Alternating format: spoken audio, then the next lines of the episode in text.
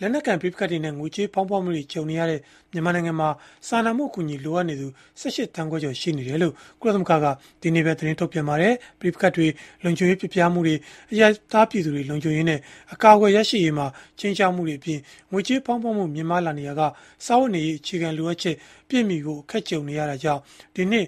2024ခုနှစ်မှာစာနာမှုအကူအညီလိုအပ်နေသူ18.6တန်းရှိနေတဲ့အကြောင်းကုလသမဂ္ဂစာနာမှုဆိုင်ရာညှိနှိုင်းရေးမှူးရုံး UNOCHA ကသတင်းသတင်းထုတ်ပြန်ခဲ့တာပါ။မြန်မာနိုင်ငံအနှံ့ပြည်ပခတ်တွေပေါ်ပေါက်နေရာကရခိုင်ပြည်နယ်မှာအခြေအနေတွေပိုဆိုးလာနေတယ်လို့နိုင်ငံအနောက်မြောက်ဘက်နဲ့အရှေ့တောင်ဘက်ဒေသတွေမှာလည်းတိုက်ပွဲတွေကြောင့်အခုဆိုရင်တနိုင်ငံလုံးမှာနေရစွန့်ခွာသူ2.8တန်းကျော်ရှိနေပြီလို့လည်းပြောဆိုထားပါတယ်ခင်ဗျာ။